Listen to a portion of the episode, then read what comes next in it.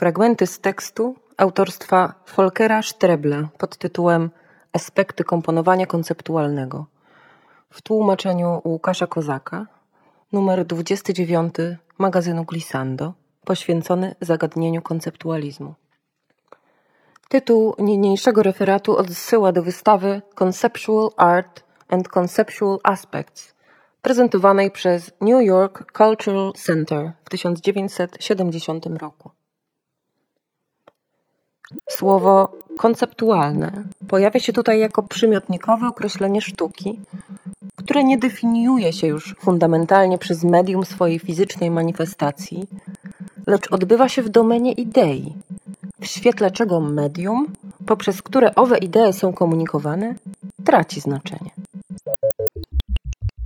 Wyrażenie aspekty konceptualne podnosi do statusu przedmiotu to, co początkowo było przymiotnikowym modyfikatorem. Aspekt jest przede wszystkim aspektem czegoś. Pierwotne znaczenie aspektu oznacza uważny wgląd lub kontemplację, które zawsze wymagają przedmiotu. Użycie słowa konceptualny w zwrocie aspekty konceptualne implikuje, iż ponad sztuką konceptualną, sztuką idei, jest sama wyobraźnia, bazowy sposób odnoszenia się do świata poprzez wzgląd wyobrażeniowy. Doświadczenie estetyczne zakłada relacje ze światem. Nie sposób powiedzieć, że można mieć doświadczenie estetyczne jedynie z samym sobą. Nawet autorzy, którzy krytykują czystą estetykę doznania, przyznają, że postrzeganie zmysłowe przedmiotu lub zdarzenia w świecie poprzedza doświadczenie estetyczne. Dzieło sztuki jako byt dla siebie w stosunku do ludzkich zmysłowe pochodzi z obszaru zmysłów. Percepcja zakłada przestrzenną i czasową obecność podmiotu postrzegającego i przedmiotu percepcji. Zawsze zachodzi w czasie. Ja obserwuję przedmiot. Ja chodzę wokół niego. Ja poznaję go z różnych perspektyw.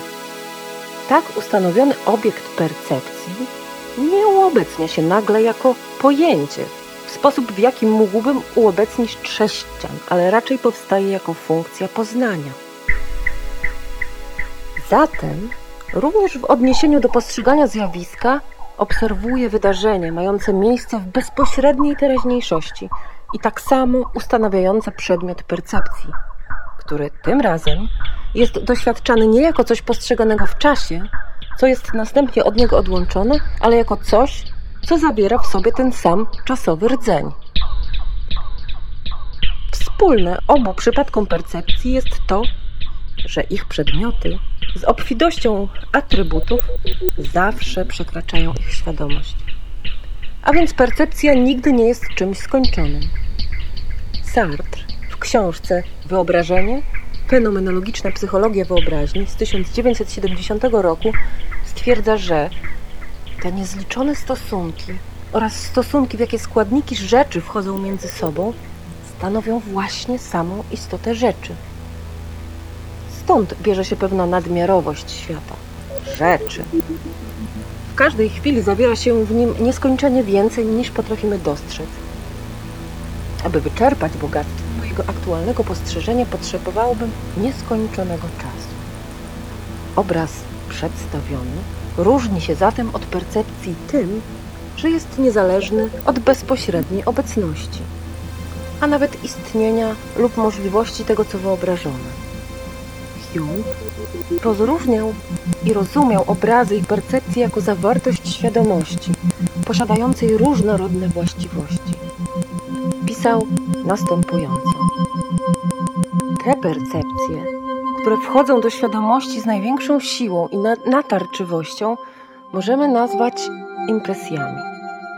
Przez ideę rozumiem mgliste obrazy impresji w rozumowaniu i myśleniu. Obrazowi, jako wspomnieniu lub produktowi wyobraźni, brakuje zatem intensywności w porównaniu z tym, co postrzegane bezpośrednio. Sartre interpretuje to założenie jako konsekwencję iluzji immanencji, w czym widzi pułapkę dla humowskiego rozumienia świadomości i zawartości. Jeśli ktoś widzi świadomość nie jako miejsce zaludnione przez małe podobizny, ale jako strukturę, która wskazuje swoje przedmioty na różne sposoby, formy świadomości, oszacowanie świadomości wyobraźni jako mocnej i słabej percepcji przestaje być możliwe. Postrzegająca świadomość zwolna formuje wewnętrznie niepełny przedmiot percepcji. Świadomość wyobrażająca postuluje przedmiot wyobraźni. Sartre napisał: Słowem, przedmiot spostrzeżenia stale wykracza poza świadomość. Przedmiot wyobrażenia nie jest nigdy czymś innym od świadomości tego przedmiotu. Jest on określony przez tę świadomość. Z wyobrażenia można nauczyć się czegoś, czego się uprzednio nie wiedziało. Doświadczenie estetyczne z konieczności wymaga specjalnego wyglądu obiektu estetycznego. Pojęcie obrazu estetycznego jako wyobrażonej manifestacji zmysłowego spotkania, percepcji, niejako wygładza drogę do doświadczenia estetycznego poza bezpośrednią obecnością postrzegającego i obiektu percepcji. Dzięki temu jest możliwe włączenie do języka sztuki przedmiotów i wydarzeń lub procesów, które całkowicie lub częściowo wymykają się z percepcji z powodu ich rozciągłości, czasu trwania lub niematerialności.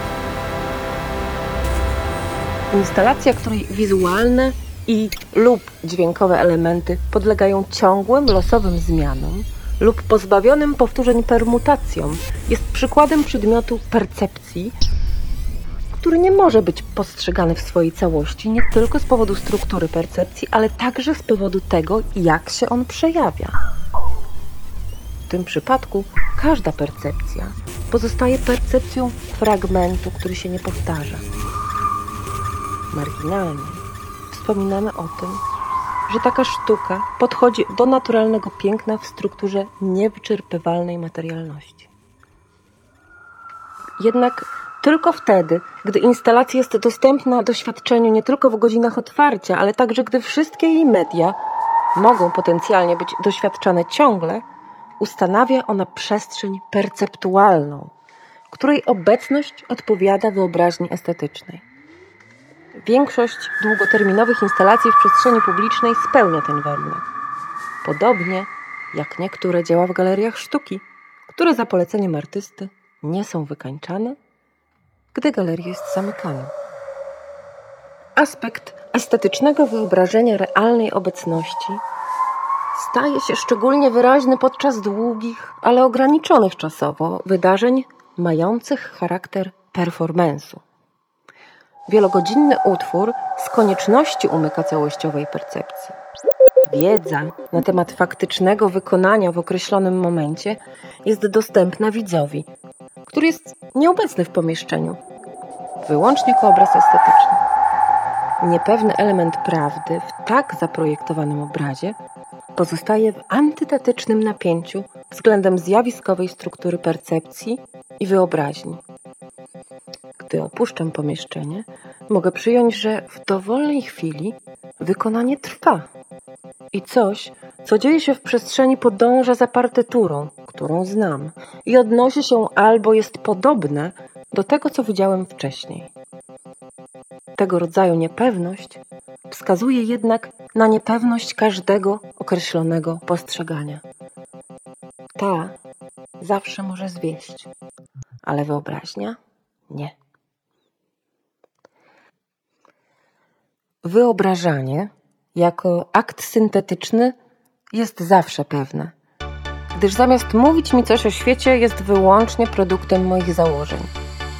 Sprzeczność może być estetycznie produktywna, ale jest łatwa do rozwiązania. W wyobrażaniu świadomość postuluje przedmiot, który nie jest koniecznie obecny, może nawet nie istnieć. Percepcja, z drugiej strony, postuluje przedmiot, który jest z konieczności obecny i dostępny doświadczeniu zmysłowemu. Ustanawia swój przedmiot, ale nie w danej chwili i niejako istniejący, a zatem implikuje roszczenie do prawdy innej niż to właściwe prostym wyobrażeniu. Pojęcie wyobraźni estetycznej umożliwia myślenie o przedmiotach z różnych gatunków, wykonywanych w różnym czasie, w różnych miejscach, jako jedno dzieło sztuki.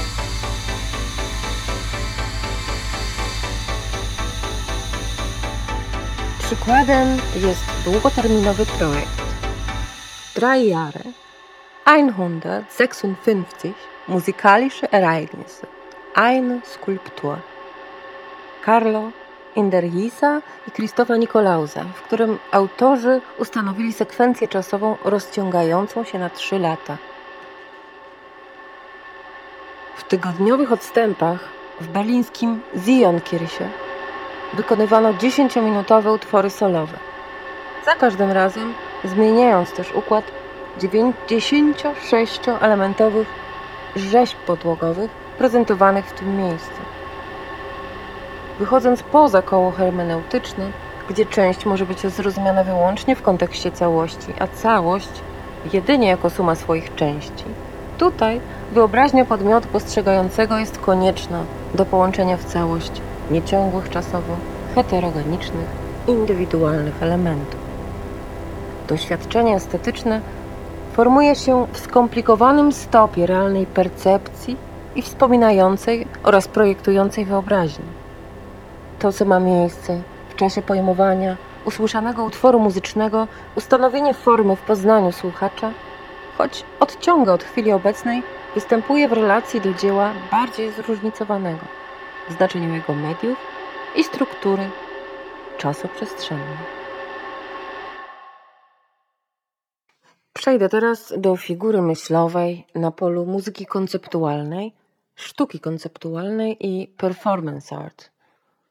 W swoim traktacie Muzyka z 1537 roku Nicolas Listenius wprowadził rozróżnienie między muzyka praktyka, wykonania oraz muzyka poetyka w kompozycji.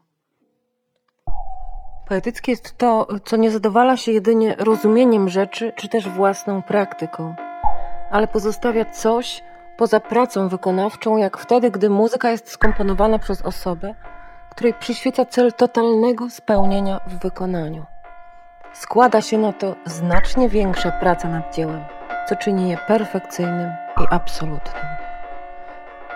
Podniosło to status dzieła jako tekstu muzycznego w odniesieniu do wykonania, przy czym notacja nie była już tylko puszczeniem muzyki w ruch, ale sama dziełem. Komponowanie muzyki i teoretyczny dyskurs o muzyce w bliskiej wzajemnej relacji. Pomysł, że muzyka nie wyczerpuje się w wykonaniu, że wykonanie dzieła może być nawet pominięte, został podjęty w latach 60. XX wieku przez Fluxus i artystów sztuki konceptualnej. W 1964 roku Giuseppe Ciari wyjaśnił, że działania w jego utworze La Strada mogą być wykonane lub nagrane, nagranie wykonania może być wyemitowane. Mogą też być tylko zapowiedziane, pozostawiając widzowi uwaga, wyobrażenie sobie audytywnych wydarzeń, które reprezentują. Autor preferuje zaanonsowanie niemal wszystkich działań i wykonanie lub transmisję jedynie kilku z nich. A teraz przeczytam Wam 33 tezy muzyki konceptualnej z tekstu Harego Lemana w tłumaczeniu Moniki Pasiecznik. Pół wieku po ukonstytuowaniu się sztuki konceptualnej, dzisiaj kształtuje się odrębny gatunek muzyki konceptualnej. Muzykę konceptualną można zdefiniować analogicznie do sztuki konceptualnej. Wszystkie wskazane tu wyznaczniki sztuki konceptualnej mają także zastosowanie do muzyki konceptualnej i vice versa. Gatunki konceptualne powstają prędzej czy później, we wszystkich sztukach i są rezultatem logiki negacji, która doprowadziła do wykształcenia się nowoczesnej sztuki. Sztuka nowoczesna nie szuka już piękna, lecz jest zorientowana na nowość. Sztuki są nowoczesne, o ile dysponują swobodą negacji i mogą zanegować w formie dzieł wszelkie dostępne wyobrażenia na temat sztuki i muzyki. Właściwą nowoczesnej sztuce ambicję bycia nową można było przez pewien czas realizować poprzez odkrywanie nowych estetycznych wartości własnych, jak wzniosłość, zdarzenie i wieloznaczność, co doprowadziło do wykształcenia się klasycznej moderny z jej specyficznymi izmami. Sztuka konceptualna powstała w chwili, gdy autonomiczna sztuka do tego stopnia wyczerpała swobodę negacji samej siebie, że unieważniła nie tylko estetyczną wartość piękna, lecz także nowoczesne wartości estetyczne, takie jak wzniosłość, zdarzenie i wieloznaczność. Sztuka konceptualna poddaje w wątpliwość przesłankę, która łączy sztukę klasyczną i moderny ze sztukami pięknymi. Że cała sztuka jest bezwzględnie sztuką estetyczną. Sztuka konceptualna jest zgodnie ze swą ideą sztuką anestetyczną i sprowadza sztukę do jej momentu refleksji, to znaczy do zmysłowej lub wyimaginowanej reprezentacji konceptu. Tak jak istnieje sztuka nieretinalna, tak samo istnieje muzyka niemeryngalna. Muzyka konceptualna jest pojęciem nowym, które dotąd nie znajdowało zastosowania w muzyce artystycznej i nigdy nie zostało wprowadzone do jej teorii.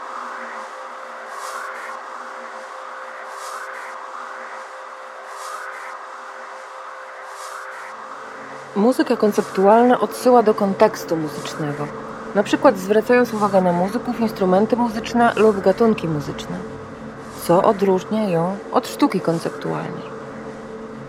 Z dzisiejszej perspektywy można zrekonstruować historyczną muzykę konceptualną, która formalnie spełnia kryteria muzyki konceptualnej. W jej czasach jednak ani nie była ona odbierana jako muzyka konceptualna, ani nie rozwinęła jako tako swojego oddziaływania w nowej muzyce. Fluxus Performance Workbook y, zawiera zbiór historycznej muzyki konceptualnej, gdyż większość event scores Fluxusu odnosi się do kontekstu muzycznego. Historyczna muzyka konceptualna była blokowana instytucjonalnie. Stąd w nowej muzyce mogła istnieć tylko marginalnie lub wyemigrować do sztuk wizualnych. Wraz z rewolucją cyfrową powstała cyfrowa muzyka konceptualna, która być może tworzona i rozpowszechniana na boku instytucji muzycznych. Aktualna muzyka konceptualna będzie w nowej muzyce postrzegana jako muzyka konceptualna i być może przekształci się w odrębny gatunek. Koncept muzyczny może odnosić się do kontekstu muzycznego lub zwracać ku niemuzycznemu kontekstowi społecznemu. Dla muzyki konceptualnej charakterystyczne jest to, że u podstaw każdego dzieła leży odrębna idea. W związku z tym treści takie artykułują się w dziele w sposób prosty, niezłożony i przyjmują zazwyczaj formę pomysłu.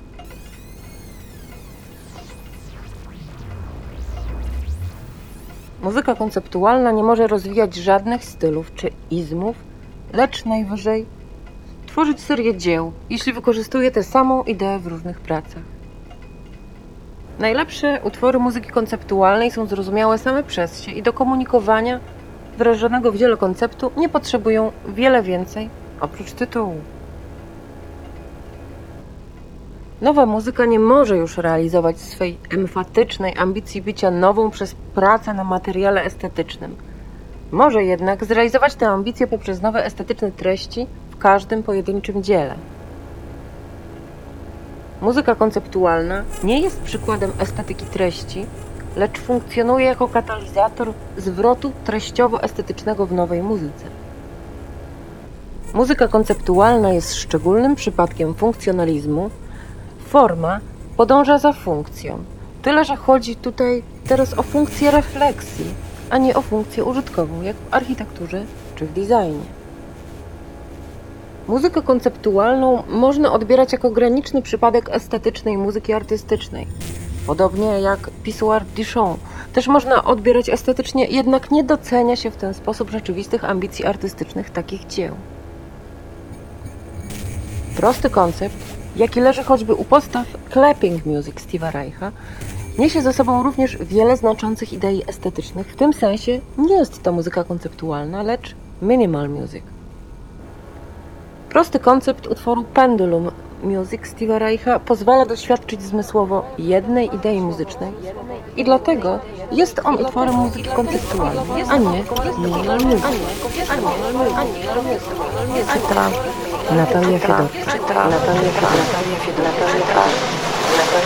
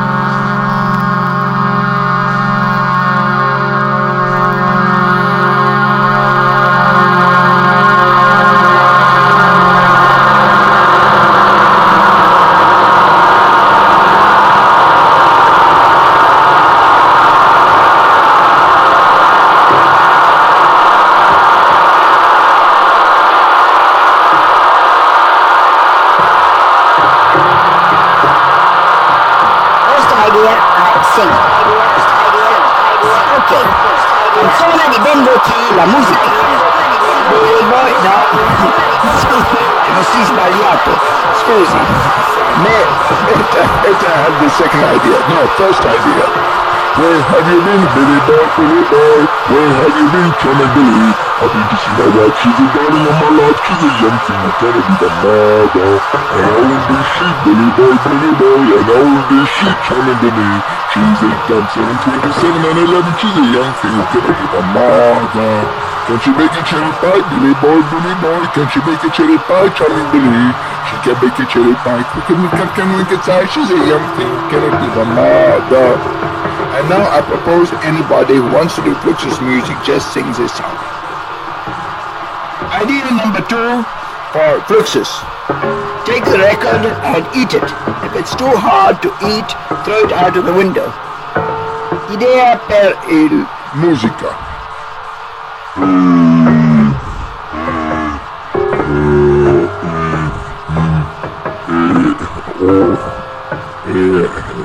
mais non sapere, je, je ne sais pas, I don't know. I don't know what to do. Okay. Flipper of my skipper, my skin. Flicker of my flicker, lapstick, my slapstick. Mission of my emission, Nip of my snip, now of my now. Oiler of my toiler, Morpheus of my Morpheus. Port of my sport, patter of my spatter. Quash of my squash, quiescence of my acquiescence. Raving of my craving, cream of my cream. Scent of my ascent, swan of my aswan. Tiff of my stiff, top motion of my stop motion. Unction of my function, urging of my purging. Vent of my event, vocative of my evocative.